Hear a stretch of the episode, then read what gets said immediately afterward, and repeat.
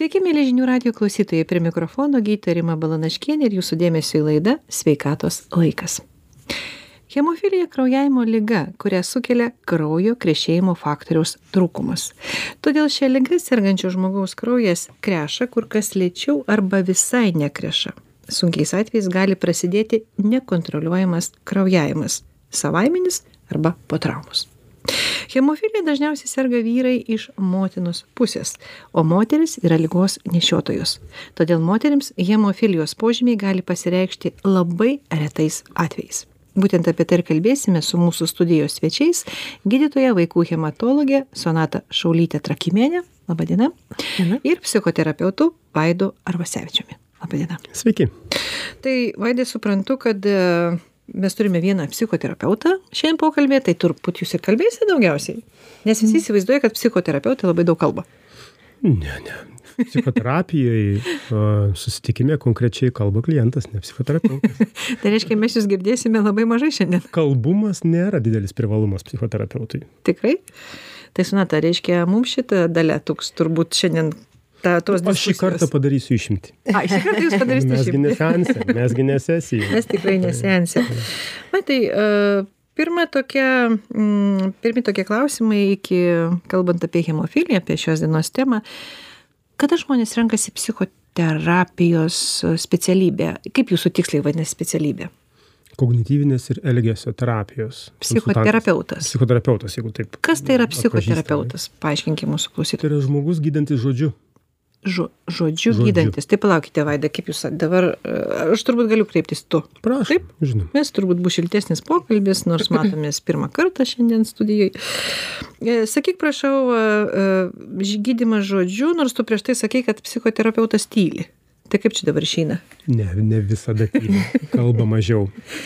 Nes psichoterapeutas nori išgirsti ką sako jo klientas ir jisai nori kad klientas išgirstų pats save taipogi nes kalbėdami mes dar ir klausome savęs. Taip smegenys funkcionuoja. Du kartus dalyvauja idėjose kurios kyla galvoje. Ta prasme pats pasakai ir pats išgirsti taip taip? mūsų smegenys kuria tai ką jos turi ištransliuoti bet kai mes transliuojam smegenys jau kita dalimi visa tai viso to klausosi ir analizuoja. Labai įdomus efektas iš tiesų. Todėl žmonės kartais nu čia anekdotas iš tiesų Mhm. Pas psichoterapeutą pasėdėjo, klientas pakalbėjo, pasišnekėjo, terapeutas patylėjo ir ką klientas pabaigoje sako, ačiū, kaip gerai pasišnekėjom. Tikrai, tikrai, va to pokalbį turbūt su savimi ir trūksta mums. Ar būtinai turi kažkas sėdėti? O gal ats, užtenka atsėsti prie veidrodžio ir pasikalbėti? Mes ne tik tai esam kompanionai tokie, kad nebūtų nuobodu mes duodam grįžtamąjį ryšį, mes užduodam klausimus. Na bent jau aš atstovas esu tos terapijos atšakos, kur yra aktyvesnis, terapeutas yra aktyvesnis. Ir mes užduodam klausimus ir mes galim žmogaus dėmesį atkreipti, kokia kryptimi mes dar galime samprotauti, tyrinėdami savo situaciją. Pakreipti minčių, mm -hmm. ta prasme, kur jums reikia, ta prasme, gauti tą informaciją, kuri turbūt jums kaip profesiškai yra įdomi ir iš ko jūs galite turbūt išvadas daryti. Mums taip? reikalinga suprasti, kaip klientas samprotauja, kaip taip. jisai masto, kokias daro išvadas, ko ieško mes kognityvistai, mes ieško mąstymo klaidų. Būsiu atviras.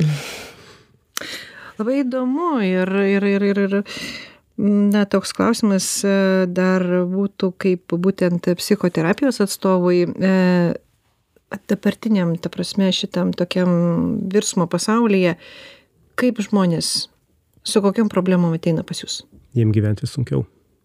Gyventi yra dabar žymiai sunkiau taip, taip?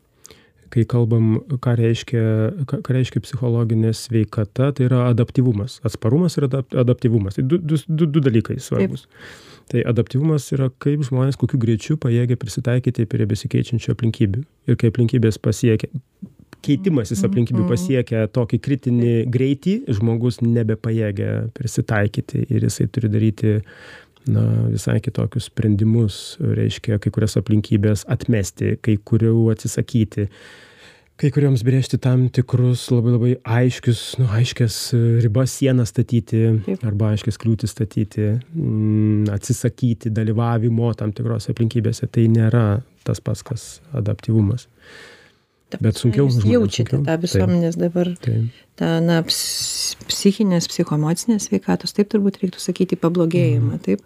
Gy- žmogaus psichologinio gyvenimo kokybės blogėjimą taip sakyčiau. Tai daugiau kas sunkiau adaptuojasi prie tos na tokios dabar sunkesnės tos pavadinkime situacijos e, vyresni jaunesni vidutinio amžiaus? Daugiau faktorių yra. Yra daugiau faktorių. Jeigu klausit apie amžių tai vyresniem yra šiek tiek sunkiau vyresniem. Vyresniais tai čia virš penkiasdešim virš keturiasdešim. Sakykim turint omeny koks mano amžius tai a, vyresniem. Vyresniem tai jau ir nuo keturiasdešim mes galim kalbėt jau virš keturiasdešim mes jau vyresnėjam jau tokie mm, kaip sakyt nu gal protingėjam. mes išmintingėjam bet ne visi. A, čia gal per daug to šmaikštumo šitoj laidoj bet mm, sako išmintis ateina su amžium bet amžius kartais ateina vienas Mhm. Tai amžius nelemia dar nieko, dėja. Mhm. Tai, bet vis tik tai mes matom. Kad... Galbūt praktika tik atsiranda patirtis, turbūt gal atsiranda. Mes ne išmintis, patirtis. Taip. Mes esam sukaupę patirties. Turbūt išmintis ir patirtis du skirtingi dalykai. Ne, čia ne tas pats, žinoma, jo, ne tas pats. Skirtingi. Taip, patirtis, jinai turi būti dar interpretuota, jinai turėtų būti išanalizuota ir suteiktos tam tikros reikšmės patirties tam tikriems aspektams. Mhm. Ir priklausomai nuo to, kokias reikšmės mes suteikiam, taip mes ir suvokiam nu, save ir savo gyvenimą, nes mes galim įvykiams suteikti dramatiškas reikšmės, katastrofiškas, kaip, kaip skriaudą priimti. Mm.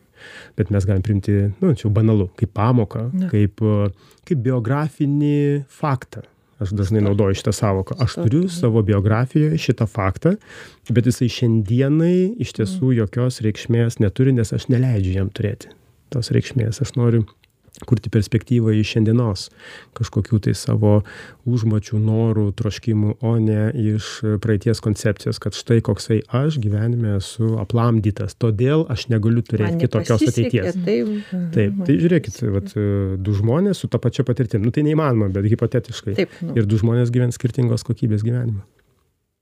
Sonata, bet jaučiasi, kad studijoje yra psichoterapeutas, taip? Labai, aš aš tiesiog galvoju, klausyčiau ir klausyčiau. Jūs tuoj man skolingi būsite. tikrai, galvoju, tikrai. Tai gerai, kad mes ne, neitumėm jau į tą skolą, ta prasme, bent jau moralinę. Sonata, e, sakyk, prašau, vaikų hematologas, tu esi gydytoja, vaikų hematologas. Taip. Kokia tai specialybė, ką gydo vaikų hematologai? Iš tikrųjų, mes dabar jau esam vaikų onkohematologai, tai gydom, kadangi tai yra retos lygos, tai mes apimam viską, visą gerybinę hematologiją, vat, viena iš tų yra gerybinė, nors viso gyvenimo lyga yra hemofilija ir aišku visas e, piktybinės vaikų lygas.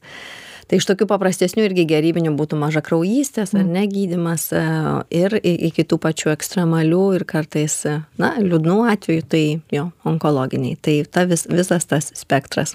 Bet reiškia, onkohematologija surišta į vieną, ta prasme, jie Jo, vienas viena, nuo nes kito. gydimas panašus, e, turbūt, na, jeigu kalbėt apie piktybinės, ar tai būtų hematologinė, ar, ar solidiniai navikai, tai taip ir lygos retos, tai turbūt per, būtų per didelė prabanga, kad būtų atskirti tie specialistai tokioje mažoje šalyje kaip Lietuva.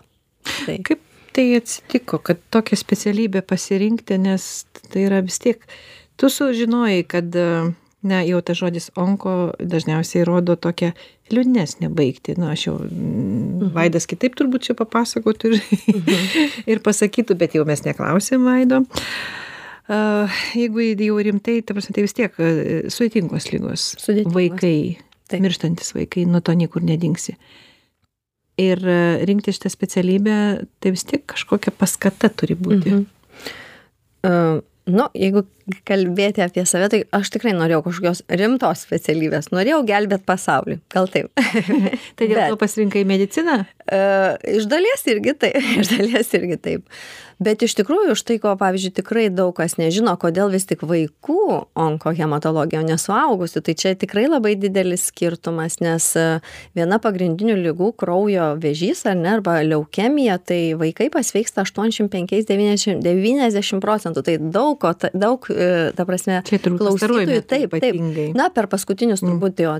Čia didelis 20 metų, šuolis, Taip, tai- didelis šuolis ir, ir tiesiog tu, nu, tikrai yra labai labai toks pasitenkinimas ir didelis medicinos pasiekimas, tai tas labai džiugina ir tu gauni tą atgalinį ryšį. Bet be abejo, be abejo, mes turim ir liūdnų, sakykime, tų situacijų, kur dar galbūt medicina tik ateityje galės irgi pasidžiaugti tokiu rezultatu. Aš galvoju kad e, kalbant apie vaikų onkologinius susirgimus kraujo ligas kraujo e, vėžį taip liaudyje vadinamą taip visuomenėje galbūt čia ir mūsų vat na taip tos vadinamos medijos problema yra nes mes dažnai rodome tuos paveikslus nuotraukas vaizdo įrašus kur tie vaikučiai ta prasme be plaukučių jie būna ten uždaryti ligoninėj ir tie tokie liūdni toks jausmas kad jie mes su jais atsisveikinam tarsi. Bet vat jūsų sakomi procentai tai yra visai kas kita čia reikia su kaip sakau su džiaugsmu parodyti kad jie bus išgydomi. Ne tai kad jie susirgo džiaugtis ne bet kad jie bus išgydomi. Taip. Nes jūsų prognozės ką jūs sakote ta prasme ką tu sakai yra tikrai puikios. taip tik tikrai yra puikios. Gal žinot čia yra du aspektai tokie. Kartais kai turbūt e, na reikia kažkokią labdarą surinkti ar panašiai turbūt lengviau žmogu, Nu, taip, žmogaus sugraudinti jo, reikia. sugraudinti. Bet šiaip iš kitos pusės yra ir tas pozityvas, žinot, gal nereikia irgi jų slėpti. Ta prasme, pavyzdžiui, kai kuriuose šalyse tai atvirkščiai eina socialiniai darbuotojai ir, ir irgi šviečia, pavyzdžiui, klasiokus, darželio, sakykime, visą personalą, kad vat, ateis pas jūs toks e, vaikutis, kuris vat, buvo tam, jam buvo, sakykime, tokia lyga, jisai neturi plaukučių ir Taip, panašiai. taip. Tai švietimo prasme ir, sakykime, jų a- adaptacijos žmonių prie, prie pasikeitusių veidų ir, ir, ir galvelių, tai iš tikrųjų irgi turbūt... švietimas tai sutinku bet Mhm. Labai e, dažniausiai tas tas kai būna rodoma ir pasakojama su tokiu gedulu su Mhm. Nu vat jau viskas dabar jau jau tikrai visi susigraudino ir skambinkit ten aukokit ir visa. Mhm. kita turbūt va čia tas kodėl vaidai sugraudintas žmogus jis pasiruošęs ten tai gal santykių visą laiką reikia kitą žmogų vis graudinti Empatija. partnerį Empatija. vis graudinti jį ta prasme ir jis taps tavo emocijų įkaitas reiškia taip Kuo daugiau nelaimės, skriaudos, e, to tokio pažeidžiamumo, žmonės empatiški, jiegi nori atsiliepti. Nori atsiliepti. Bet tai empatiją, gail, gailestį tą vadinamą. gailestį taip bet tai kodėl o nesukels tu tokios reakcijos kad nu tai tai tam blogai ir blogai jis ten verkia ir verkia Taip, nuo tam tikro taško taip gali būti. Galim perlenkti. Galim Bet, perlenkti. ta prasme, reikia, žinot, čia kaip tie vaikai sako, ne, verkia ir vieną akim žiūri, ta prasme, o kaip čia, Tikrina. kad netikrinti. Žmonės skirtingai reaguoja, skirtingi žmonės skirtingai reaguoja. Tai va yra žmonių, Mm. Reikia kurie... skenuoti, nuskaityti ir... Žmonės yra, kurie, kurie dovanos, aukos, gelbės ir gelbės, gelbės ir, ir, ir, ir, ir suneš. O kitas nori būti kaip tik auka, taip? O kitas gali erzintis. Bet čia jau yra, nu, kiekvieno žmogaus psichologinio portreto klausimas yra. Nes e, toks vad graudinimas, jis gali kelti nu, tokią priešingą reakciją, nes aš galiu pasijusti, jeigu tai, sakykime, pasakoju aš per savo asmenį dabar, ne apie save, tai išnaudojimo tokį jausmą. Mhm. Ja, manim nori pasinaudoti. Tai va, žmogus truputėlį toks, nu, paranoiškesnis vos vos, įtaresnis, jisai matys, kad čia kažkas tai jau nori prasigyventi ir kartais atrodo, nu, nekaltas prašymas, nu, tikrai toksai, nu, svar, svarbus. Bet e, grįžtant prie e, būtent mūsų temos, tai yra e, vaikučių sergančių ir, ir, ir, ir kai būna va, tie, tie rodomi tokie vaizdai, ta prasme, graudinantis, tai bet jie sukelia tą tokį norą padėti. Nėra to turbūt. Tai nėra blogai. Tai savaime nėra blogai. Blogai yra, jeigu žmonės pasinaudoja kaip sukčiai, Taip. tai čia bet kokia forma sukčiavimo yra blogai. Nu, taip, O, bet, bet mes. o morališkai Jo, jo. dar didesnį konfliktą mes patiriam. Kaip šitaip, Kaip šitaip, nu, taip, čia tokia nelaimė pasinaudoti. tikrai taip. Bet kur žmonės prašo pagalbos kažkokios, aš manau, kad čia viskas yra gerai. Padėti nes tai, nu, ta, be- bendry, ben, ta mūsų bendrystė, Mhm. visuomenės sutelktumas, jis iš tiesų gali lemti nu, geresnį rezultatą. Mes Negu- kalbėkime apie gerus atvejus, sakykime, ne, ir apie tokius žmonės kaip Sunata, kuri, kaip sakai, tikrai norėjo gelbėti pasaulį. Ir tai medikų tikrai tokių yra nemažai. Nes tai yra, kaip aš sakau, tai yra ne profesija, tai ne specialybė, tai tikrai tampa tavo gyvenimo būdu ir tu atiduodi. Tai kiek reikia metų mokytis, kad tapti vaikų gydytojų hematologų? Tai dabar, žinot, keitėsi ir keitėsi, tai šeši metai studijų, ar ne, keturi metai vaikų lygų e, rezidentūros ir, ir dar du metai yra mm, subspecialybės, tai dešimt metų. Taip, dvylika, ne, dvylika, ne. Dvylika, dvylika, taip, dvylika metų. dvylika. Tai Taip. daug, tikrai daug. Tikrai tai yra daug. Tikrai tai yra daug ir norint labai greit, greito efekto mes jį nepasieksime, nes tai yra tikrai specifinė ir labai subtili profesinė sritis. Man medikai visą laiką kelia, ta prasme, tikrai pagarbą, didžiulę pagarbą. aš pati iš iš to luomo kaip sakau aš nedirbu praktinio darbo bet aš medikus be galo gerbiu nes manau kad tai yra ypatingai sudėtingas darbas ypatingai pakalbėkime dabar apie šios dienos temą apie hemofiliją. Vaidai klausimas tau sakyk prašau žmonės e, tėvai turbūt pradedant e, kai vaikas šeimoje yra kaip jie apie šią ligą kalba ar nekalba ar ar jie nori tą užmaskuoti? Nes dabar apie daugelį sakykim susirgimų kaip ir jau pradedama daugiau kalbėt. Na vienas iš tokių pavyzdžių autizmas jau tikrai apie jį daug kas kalba truputėlį keičia požiūrį netgi grupėse klasėse yra tarsi taip visiškai normalu kai yra sergantis autizmu vienas iš iš vaikų jie nėra atskiriami ir jie yra integruojami kaip su šita liga aišku jinai galbūt nėra tokia dažna.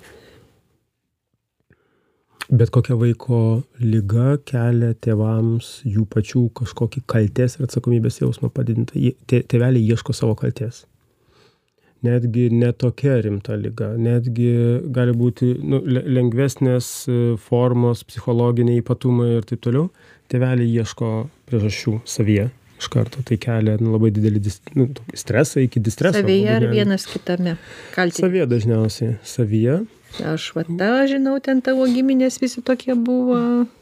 Nu, gal, gali ir tai būti Nebūna atvejais bet kaltės savo ieško dažniausiai mamos nes mama savo kūne užaugina. Mm. Tai jinai automatiškai ieško savo kalties. Kažkokiuose genuose ieškoti galima. Bet su hemofilija tai tiesiogiai moteris Uh, yra nešiotoja ir perdavėja. Tai kai mama sužino apie tai, kad čia yra apie ją, tai uh, skirtingos mamos skirtingai išgyvena tai.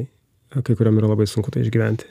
Nes tai yra tiesioginis. Sonata yra tikrai moteris, tik tai šituo tikrai, atveju. Tikrai, tikrai, čia ypatingai, ta prasme, jeigu kalbėt, kaip tėvai ieško kalties savyje, tai hemofilijoje tikrai tas ypatingai yra ryšku, kad moteris jaučiasi kaltos, nes jos yra geno, geno nešiotojos ir geno perdavėjos. Taip, taip. Ar šilaikiniai tyrimai dabargi yra nešiom daromi, ar to neparodo? Kad jinai yra nešiotoja ir gali perduoti ir vaikas. Parodo ir gali net pasirinkti, kaip užbaigti neštumą, e, bet dėja vis tiek vienas trečdalis yra neperdodama, ta prasme, naujai susiformavusios mutacijos, tai ne visada žinom.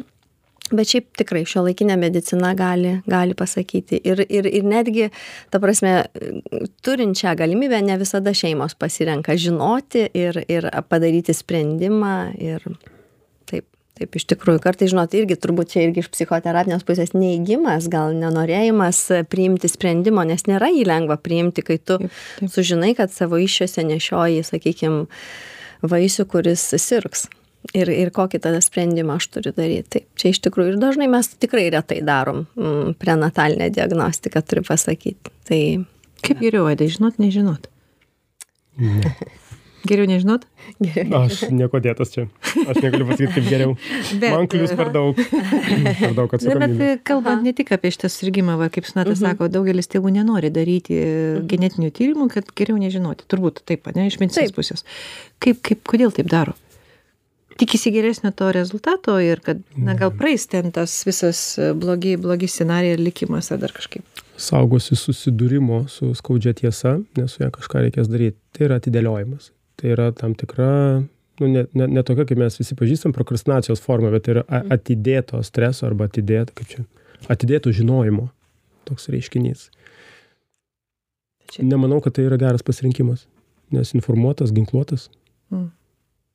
kuo anksčiau sužinoti kuo anksčiau imtis mm. galvoti ką daryti kaip kaip kaip kaip kaip veikti nuo pat pirmųjų dienų tai yra nu sonata turbūt patvirtins tai yra nu geriausia kas gali būti Kitas dalykas yra, tėveliai gali net nežinoti apie tai, kaip tai, mm, kaip tai vyksta, kas tai per pavadinimas, kas tai per lyga, tiesiog mes esam neinformuoti mm. ir viskas. Ir, ir mes tiesiog nežinom, kad galima buvo pastikrinti, kad, kad, kad užbėg, ne užbėgti už akių, bet nu, sužinoti.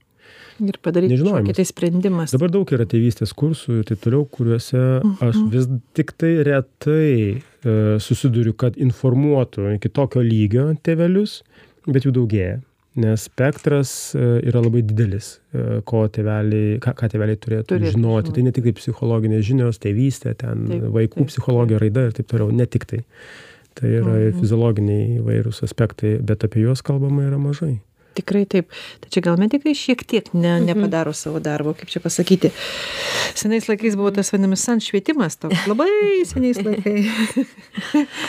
Bet jis buvo geras dalykas dalinai šiaip tikrai mes nemažai darom bet jo vis dar žinot kaip sako vat labai gerai vaidas pasakė kad atidėlioja nenori sužinot susidūrimo su tiesa arba netgi žinot būna situacijų kai jau šeimoje yra sergantis pacientas ir tu potencialiai da penkiasdešim procentų kad tu turėsi kitą ir vis tiek tiesiog mes sužinom gimdymo metu arba po gimimo ar ne? Nu tai tokia tai manau kad ta prasme labiau gal vis tiktai čia šeimų toks pasirinkimas. Aišku galbūt mes irgi at ateity galėtumėm irgi kažkokių rasti kelių kaip pasiekti ir šviesti bet ki- kitais metodais. Tai bet taip manau kad čia yra psichologiniai dalykai. Mes nežinom, kaip tėveliai samprotauja. taip. Tai galima tik tai kažkaip na Nes e, Nuspėti. Tik, tikrai neretas, neretas yra tas toks mąstymas pozityvusis, viskas bus gerai, svarbiausia Mhm. tikėti. Nu, aš čia truputėlį Na, supaprastinu. bet dabargi tas, tas dalykas ir labai mokomas jaunimas, ypatingai optimizmo, ta prasme, kad Taip. tikrai, va, tu, Mhm. čia aš viską galiu, aš padarysiu. prasme padarysiu. gerai yra m, turėti savį optimizmo balansą, aišku, su realistišku mąstymu, bet optimizmas jisai savaime neturi galios fiziologijai. Nu, ne, nedrįšiau taip teikti, nes yra daug visokių tokių Taip, taip, teorijų. ir, mokslininkų dabar taip, hipotezių, kad kaip e, sveikstančio žmogaus rankose yra, Mhm, ar jis mhm. sveiks, ar, nu, sergančio žmogaus rankose, jo nusiteikimas tas e, Taip, nesveikti arba Mhm, sveikti, jo, sakoma, yra tas efektas, tai aš e, jo atsimu, iškirpkit prašom, kad neveikia tas optimizmas, bet juo kliautis vien tik tai juo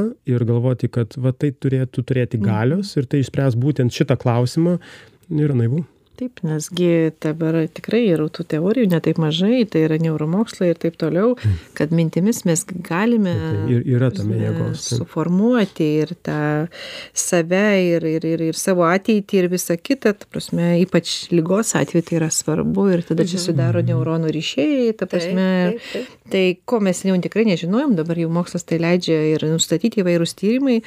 Taip, kad tas optimizmas, jisai turbūt reikalingas, bet e, jis yra iš tiesų praktikuojamas labai abstraktus. Aš mm. pozityviai galvosiu ir tai kažkaip veiks, bet mesgi nežinom, kaip tai atsiliepia nu, sinapsiai. mm, Mes tiesiog e, turim tokį nu, paveikslėlį. Tai Mhm. kartais gal verta tą paveikslėlį tokį turimą galvai papildyti ar tyrimu kokiu, ar Taip. pasidomėti, Taip. informuoti e, save. Man atrodo, kad tai yra išmintinga. Tikrai dabar tuome- turime trumpam staptelti ir pokalbį su mūsų studijos svečiais pratęsime po trumpos pertraukos, likite su žinių radiju, sugrįšime į studiją visai netrukus.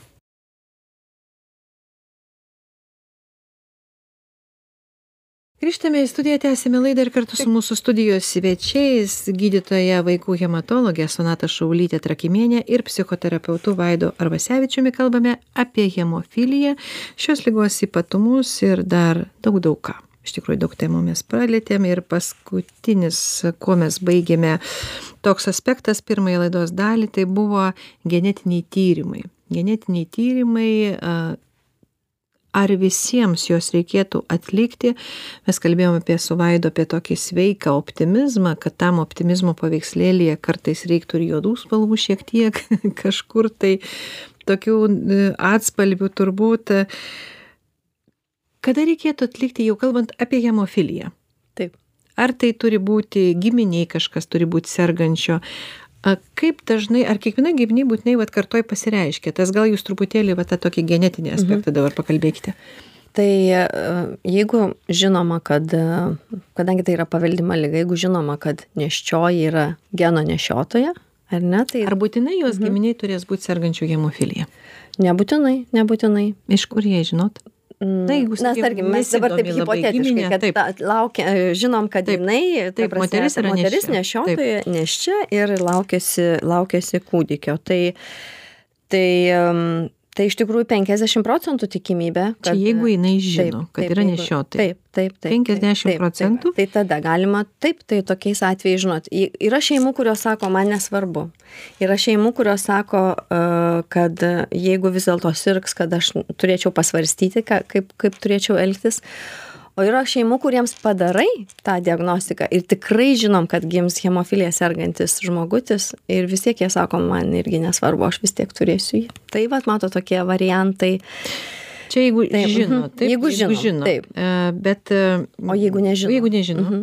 Tai jeigu nežinom, tai tiesiog po gimimo, žinot, e, vienas trečdalis yra naujai atsiradusios mutacijos. Na, taip kaip, kaip ir su bet kokia kita genetinė lyga. Tai tiesiog, kai gimsta mm, vaikutis, per tam tikrą, dažniausiai jeigu tai sunki forma, į per metus išriškėja jo tas kraujavimo pobūdis ir lyga diagnozuojama. Ir tokiais atvejais, jeigu šeimoje niekas nesirgo, e, tai tikėtina, kad tai yra nauja mutacija, bet kartai, žinot, būna ir pasislėpę, nes e, jeigu eina per kelias moterų linijas ir moteris, pavyzdžiui, turėjo mergaitės ar ne. Tai moteris gali perduoti ir mergaitėms, Taip, ir ir dukroms. mergaitėms, taip, taip. Bet nes čia- dukros nesirgs. E, Pagal naujausią vis tik supratimą moteris e, serga hemofilija ir joms galima rašyti hemofilijos diagnozę. Jos nėra tik geno nešiotojos. Ta- Tai tiesiog irgi nulemta genetinio, sakykime, fenomeno, jos turi taip dvi X chromosomas, vienoje yra pažeidimas, bet tik gamtos sudėliota, kuri chromosoma bus aktyvesnė. Vis dėlto, jeigu bus aktyvesnė e, ta sergančioji, tai moteris tikrai turės, ji nebus tokia sunkiai serganti, kaip, kaip jos, sakykime, brolis. Taip, arba kaip vyrai taip. serga, Taip, taip, bet ji tikrai lengva forma sirgs. Tai, Nes visą laiką buvo mąstoma ir galvojama, kad taip, neserga. taip, ne, Tai reiškia, tikrai kad moterys tokia lengva, Mhm. lengva tokia forma yra, kad net seniau jos... Žinot, tas diapazonas, tai jeigu taip irgi labai smulkiai žiūrėt, gali būti nuo sunkios iki lengvos, bet didesnė dalis tu, turės lengvą hemofilijos formą. Taip, Kaip jinai pasireikš mergaitėms? Dažniausiai, tai pats dažniausias vis tik tai yra moteriams būdingas kraujavimas, kuris yra fiziologinis, tai yra menstruacijos, Tai tai, jo, gausios jo, jos bus labai gausios. Ir aišku, visi pogimdyminiai dalykai. Tai, Bet šiaip tai va. nu, gali normaliai gyventi. Šiaip gali normaliai gyventi. Nu, jeigu nežiūrėti, kad e, kiekvieno, kiekvienų, sakykime, menstruacijų metu, na, nukraujoja iki tiek, kad reikia, vis tiek moteris anemizuojasi, reikia tikrai tą labai didelį dėmesį kreipti. Labai. Mhm. Ir jos tada tampa jau nešiotojomis ir perdavėjomis. ta Taip, prasme, jos tampa jo ir nešiotomis, ir perdavėmis. Ar būtinai jos visi sūnus bus sergantis? Ne, Tos 50 moters- procentų. 50 50 procentų. Taip, nes jos moteris turi dvi X chromosomas, tai tikimybė perduoti vieną yra 50 procentų. Ruletė. Ruletė. Taip. Visiška ruletė. Ir... O kas ją suka tą ruletę? Čia kitos laidos tema. Kiekvienas laidas Kas tema. Tikrai. Grįžkime vėl prie hemofilijos. Ar tai dažnas sirgimas? Kiek, sakym, Lietuvoje, jeigu tarkime apie 3 milijonus, lik sako mūsų gyventojų, taip jau statistiškai taip, kiek sergančių yra? Apie 180. Iš tikrųjų, jeigu labai tiksliai, tai hemofilija A serga vienas iš 5 tūkstančių gimusių berniukų, hemofilija B, kuri retesnė, vienas iš 30 tūkstančių. Tai per metus Lietuvoje gimsta nuo 1 iki 3 hemofilija sergančių pacientų. Nu, vienais. Palygintumėm, sakym, kiek gimsta, na, autizmų sergančių. Žinau, tokios statistikos nepasakysiu, bet man atrodo daug daugiau. Daug tikrai, daugiau, taip. Tikrai daug Gal galima daugiau. su kažkokia lyga kita palyginti, kad klausytojams būtų aiškiau. Ar čia tikrai Mhm. labai mažai, ar čia jau yra toksai, na, vienas, trys, atrodo taip mažai, kas čia. Nu, tai užtat ir tėvai Jo, bet tik tikrai tai yra viso, vaikas. viso gyvenimo lyga, tai žinot, tada nėra, jų, jų vis tiek susikaupia ir jie gyvena. Na, tarkim, aš galiu tik su onkologija lygiti. Onkologija susirga vaikų, bet jau per metus susirga 60-70 vaikų. Tai tikrai labai mažai. Nu, Taip, Šiaip, ir jie pasveiksta, ir jie pasveiksta. Taip, taip, taip, bet hemofilija jau čia toks, žinot, e, sukauptas skaičius. Taip. Gerai, gimė vaikutis sergantis Mhm. hemofilija, ar tai yra iš, iš karto nustatoma, jeigu nebuvo prenatalinio, neštumo metu atlikta Mhm. genetinio tyrimo, ar jau gimusiam naujagimiui matosi, kai serga hemofilija? Matytis ne, bet jeigu mama yra uh, geno nešiotoja. Nu, sakykim, nežino. Nežinom. Tai priklauso nuo to, ką jis patiria po gimimo. Paprastai per pirmus gyvenimo metus visada sunki forma, kuri yra pati dažniausiai, jin sudaro 60-70 procentų visų atvejų, jinai niekada nepasislėps, visada išriškės. Pavyzdžiui, atliekam vaikučiui masažą, atsiranda super didelės mėlynės. Kai kam būna, kad iš piršto paima kraują ir vieną dieną nesustoja. Praktiškai turbūt nė- nėra nei vieno atveju, kad Ta prasme, mėlynės Taip, taip, taip, kraujavimas jo. Nu, tokios netipiškai Taip, didelės netipiškai. Na, bet taip. o jeigu, sakykime, po gimimo teko kažkokių intervencijų daryti, žinot, kartais būna sergantis, tai ta- žymiai greičiau išaiškėja, nes tada netipinėse vietose ir ne ten, kur tu tikėtumėsi, irgi atrandi kraujosruvų ir tikrai tada kelia, kelią jau tą. Na gerai, vaikutis gyvena, ta prasme, ten mhm. yra tos mėlynės didelės, bet gal nekreipia dėmesio tėveliai ir, ir Taip. kaip vis dėlto jam augant, kokie simptomai kiti pasireikš. Ne, tai tik kraujavimas, e, neadekvačiai didelės mėlynės arba kraujavimas be jokios traumos. Na, jeigu ten, sakykime, per kūdikystę, kol jis gulėjo, nieko neįvyko ir viskas vyko gerai, bet jau kai jis bando ropoti ir stotis, tai visada sanariai ir... ir, ir Ta prasme, kraujavimas taip, sanarių. Kraujavimas į sanarius, tai čia toks e, jau mm, paveikslėlis hemofilijos. Tai... Ir kuo tai pasireiškia, jam skaudės? Jo, jam skaudės, aišku, kadangi jie dar nekalba ar ne, nepasakys, bet tikrai matosi, kad staiga atsikelia vieną rytą ir, ne, ir nenori minti ant kojytės arba saugo rankytę, tai jau turėtų būti. Tai įtarimas. Tėveliai kreipiasi į vaikų gydytoją ir vaikui nustatyta hemofilija. Kuo keičiasi, sakykime, vaiko ir tėvų gyvenimas? Mes šituo atveju kalbam Mhm. ne psichologiniu aspektu, bet jau medicinė prasme. Na, pirmiausiai, tai jie sužino, kad ta lyga yra viso gyvenimo lyga, genetinė lyga ir, ir žinot, toks yra du aspektus mes pateikėm. Jo genetinė, genetinė lyga nepagydoma, bet puikiai valdoma 21 amžiuje. Na ir irgi iki prie, prie, dar e, kokiais ten 2016-2017 sakydom, puikiai valdoma, nors gydimas labai sunkus. Jums reikės jum reikės šitą kelią praeiti. Bet vis tiek turėdavom palyginimą, kai gydimo nebuvo, buvo dar blogiau. Tai va, tai reiškia gydimas sunkus. Gydimas, standartinis gydimas yra, reiškia, leisti faktoriaus, krešėjimo faktorių, kurio trūksta. Nes tai esmė yra, hemofilijos kas yra? Tai trūksta yra, 8 arba 9 krešėjimo faktorius ir jie yra... Sunkiau tiesiog, kreši kraujas. Taip, taip, jis beveik nekreša. Tai leisti faktorių ir jis leidžiamas tik į veną. Ir jeigu nori, kad vaikas auktų sveikas, reikia tą daryti kas antrą dieną. Kiek laiko? Visą gyvenimą. Visą gyvenimą taip. vaikučiui į veną leisti taip, kraują. Taip, taip. taip. A, yra skirtumas vaikui pradėti leisti ant mėnesio, ar metų, ar dešimties metų? Yra, tikrai dėl praktiškai, kai, kai vaistai leidžiami į veną, turbūt nu, neįmanoma pradėti nuo mėnesio. Tai yra per daug uh, sunku, nes venos yra labai smulkios, per daug skausminga šeimai, nes uh, tikrai labai reikia uh, daug pastangų ir tėvų, ir, ir medicinio personalo. Ir praktiškai dažniausiai mes ir pradėdavom 10-12 mėnesių, kai vaiko venos, sakykime, geriau uh, susiformavusios ir tą lengviau padaryti. Bet vis tiek vis dar būdavo labai sunku tą kelią nueiti ir pradėti ir, ir, ir ko nepasakiau, kad tą dar turėtų daryti ne medicinis personalas, tėvai turėdavo mm. išmokti leisti į veną ir vis dar turi. Ir taip, ir dabar yra taip.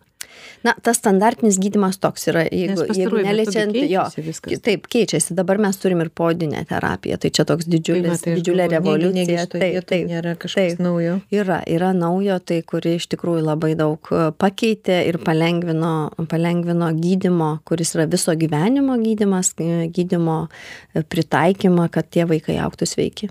Nes kiek pasikeitė, mhm. jeigu žiūrėsime kitą surgymą, kaip cukrinį diabetą, kaip pasikeitė visas ir diagnostika, ir gydimas. Taip, prasme, tai tu jau gyveni ten su tais mhm. aparačiukais ir jie tau pamatuoja, suleidžia. Taip, prasme, tai tikėtina galbūt ir šitoj hemofilijos mhm. susirgyme, aišku, jos yra žymiai mažiau, tai suprantama, kad gal dėmesys yra ir mažesnis, sakykime, bet kad turbūt taip ir bus, gal palengvės vis dėlto ten, vat, bus kažkaip Žinot, tai dozatoriai ir tikrai, ta prasme, turint podinę terapiją, kuri šiandien jau yra beveik penki metai pasaulyje ir, ir Lietuvoje irgi jinai prieinama, tai tikrai, tikrai uh, gydimas uh, mažų vaikų ir va, šeimų, kurios turi, uh, turi išgirsti tą diagnozę ir susigyventi su ją ir, ir dar tada suprasti, kad nu, vis tiek jų vaikas yra, jeigu negauna gydimo, tai yra pastovi rizika nukraujuoti. Be, mm. Iš bet kur, iš bet kada ir tu niekada negali žinoti. Tai, tai gydimas tikrai reikalingas e, ir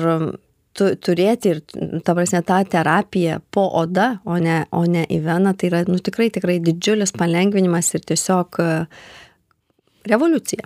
Tikrai taip. Ar yra tėvų, kurie, sakykime, yra atsisakę gydyti savo vaiką? Na, jau šiau savo vaiko nebadysiu ten, vat, kas antrą dieną. Mhm. Ar yra buvę? Nes aš žinau, kad yra Dabar, tėvų, kurie, mhm. pažiūrėjau, sako, ten vaikus operuoti, kai šidelę reikia operuoti, mhm. kardiochirurginės, taip prasme, jau kai bus, tai bus, bet jau čia mes Dabar ne. Mhm. Nežinot, mes vienu metu pastatom du dalykus. Jūs turit genetinę lygą, ji nepagydomo, bet jūs esat labai laimingi, nes, nes, nes jau turim ką pasiūlyti. Kaip pateiksi, tai Taip, problema. kaip pateiksi. Bet e, jūs įdomų aspektą palėtėte. Žinot, kai e, buvo dar kitas etapas hemofilijoje, kai, kai pacientai gydydavosi tik tada, kai, kai įvykdavo kraujavimas. Čia ta senoji karta, kuriems dabar 50-60 metų. Tai pavyzdžiui, mums užtruko, nepameluosiu, 5-6 metus e, u- edukuoti visą bendruomenę, kad neužtenka gydytis tik, kai yra kraujavimas, reikia leistis pastoviai faktų. Va tada būdavo, kurie atsisakydavo. Atsisakydavo gydomas, sakydavo, man nereikia. Tai, tai va. Dabar ne, dabar mes taip, taip dirbam. Jeigu žmogus gauna, vaikas gauna, jis paskui užauga į paauglį, jaunuolį, saugusi, jis gauna gydimą, Taip. ar kas nors jo gyvenime kitaip vyksta? Ar jam reikia, na kažko jis gali, e, ta prasme, kažko negali, kažko jis turi vengti, Mhm. ar jis visiškai gyvena normalų gyvenimą? Žinot, čia irgi tokia ta evoliucija vyksta, sakykime taip, jeigu labai žiūrėt formaliai, visi kontaktiniai sportai, tokie kaip krepšinis, futbolas ar ne, nėra rekomenduojami, bet nėra uždrausti. Jeigu pacientas jaučiasi, kad jam tikrai to reikia, mes stengiamės palaikyti ir, ta prasme, sudėlioti jam personalizuotą gydimą, kuris galbūt bus dar sunkesnis, galbūt dar daugiau reikės atlikti injekcijų, bet iš esmės tokių draudžiamų dalykų nėra. Ir, ir jeigu vėlgi grįžti prie to, ką dabar išgyvena hemofilijos bendruomenė ir turi e, lengvesnį gydimo būdą, tai tikrai pasaulyje einama prie to, kad e, e, hemofilijos nevaržomas gyvenimas turėtų būti toks šūkis e, hemofilija sergantiems pacientams. Vaidai, ar pas tave ateina žmonių sergančių, na, hemofilija viena iš tų lygų, tai yra, kur tu visam gyvenimui turi. Tu žinai, kad eini ne vienas, bet šalia parankiai tavo lyga. Ne. Neteina Būtent tokių. Tai tie nežinau, žmonės ką Jie gal ateina, bet galbūt jie ateina ne dėl to. Ne dėl to. Bet kad ateitų va, žmogus ir pasisakytų pas tave ar pas kolegas, tiek jūs bendraujate, kad, na, va, aš turiu tokią lygą, jinai man visam gyvenimui ir jinai man, va, na, kažkur tai stuksena ir, ir, ir, ir, na, aš blogai jaučiuosi su ja. Aš noriu Ne. su ja susigyventi arba aš negaliu susigyventi su ja. A, ne, šitaip niekas nėra atėjęs ir pasakęs. Būtent dėl šitos lygos.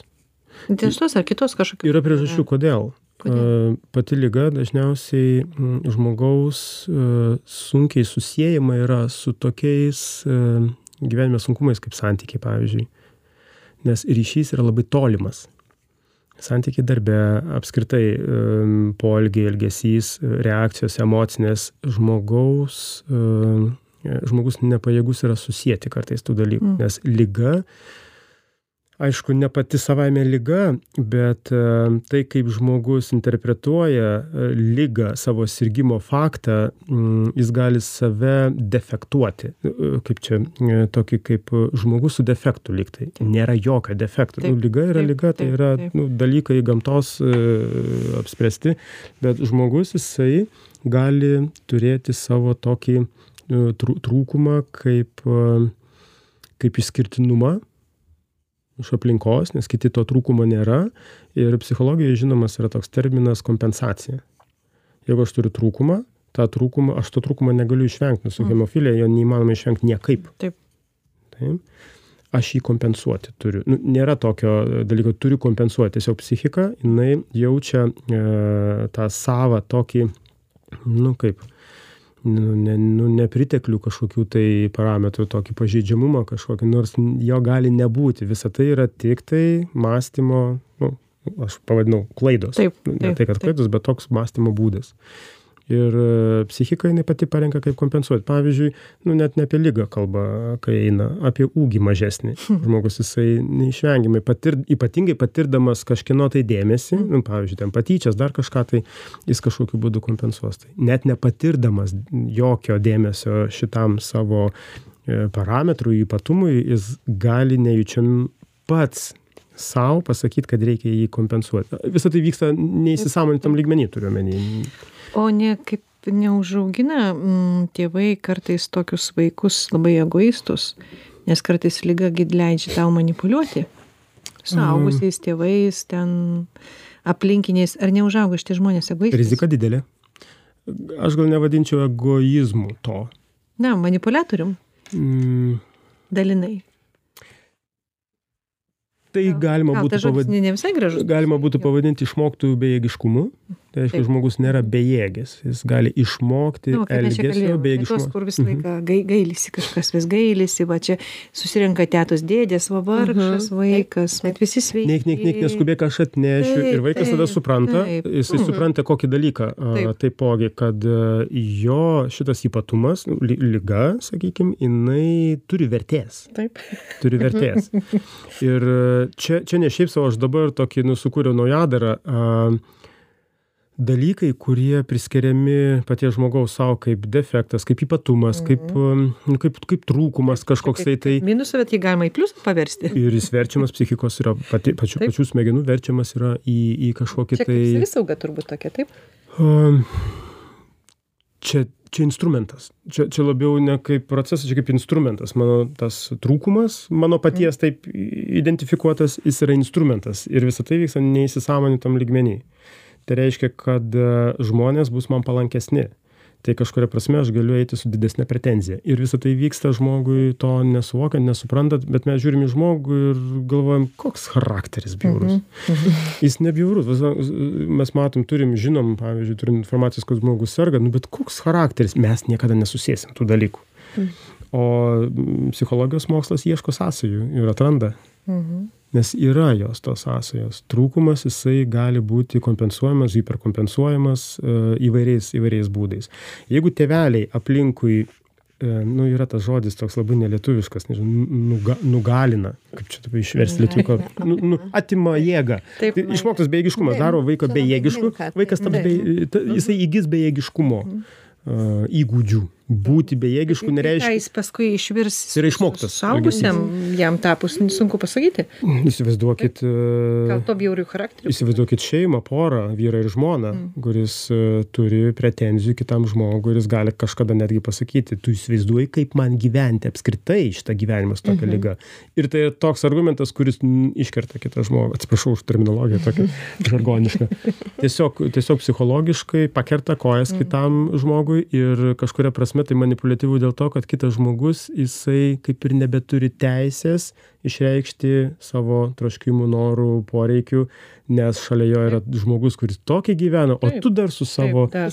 Ir atsiranda didelis disbalansas poroje ir neįsveikata visiškai. Ar ateina tėveliai pasitarti, ką daryti?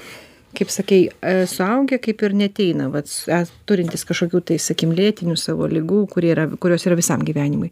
O tėveliai galbūt ateina, vat, jie nuėjo pas sonatą, nustatyta diagnozė vaikui jų ir tada jau ateina pas vaidą, sako, o ką daryti, kaip mums dabar teisingai viską daryti ir kad nepulti gailestį, ar dar kažkaip kitaip.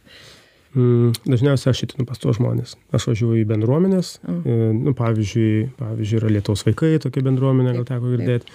Taip, yra, yra vaikų su cukriniu diabetu ir, nu, ir, ir taip toliau. Įvairių, įvairių yra. Tai aš atvažiuoju pas juos ir mes šnekamės ir aš tada išgirstu, kokioj būna kartais žmonės neviltyje, su kokiu mm. milžinišku kalties jausmu Taip, arba tuo tokiu taip. Nu, klausimu, į kurį neįmanoma atsakyti, už ką man žmonės galvoja, kad tai yra bausmė jiems. Ir ta vat, koncepcija tokia, jinai labai gaji. kad Mane už kažką baudžia kažkas. Nu, jeigu tai yra Dievas, tai Dievas mane baudžia.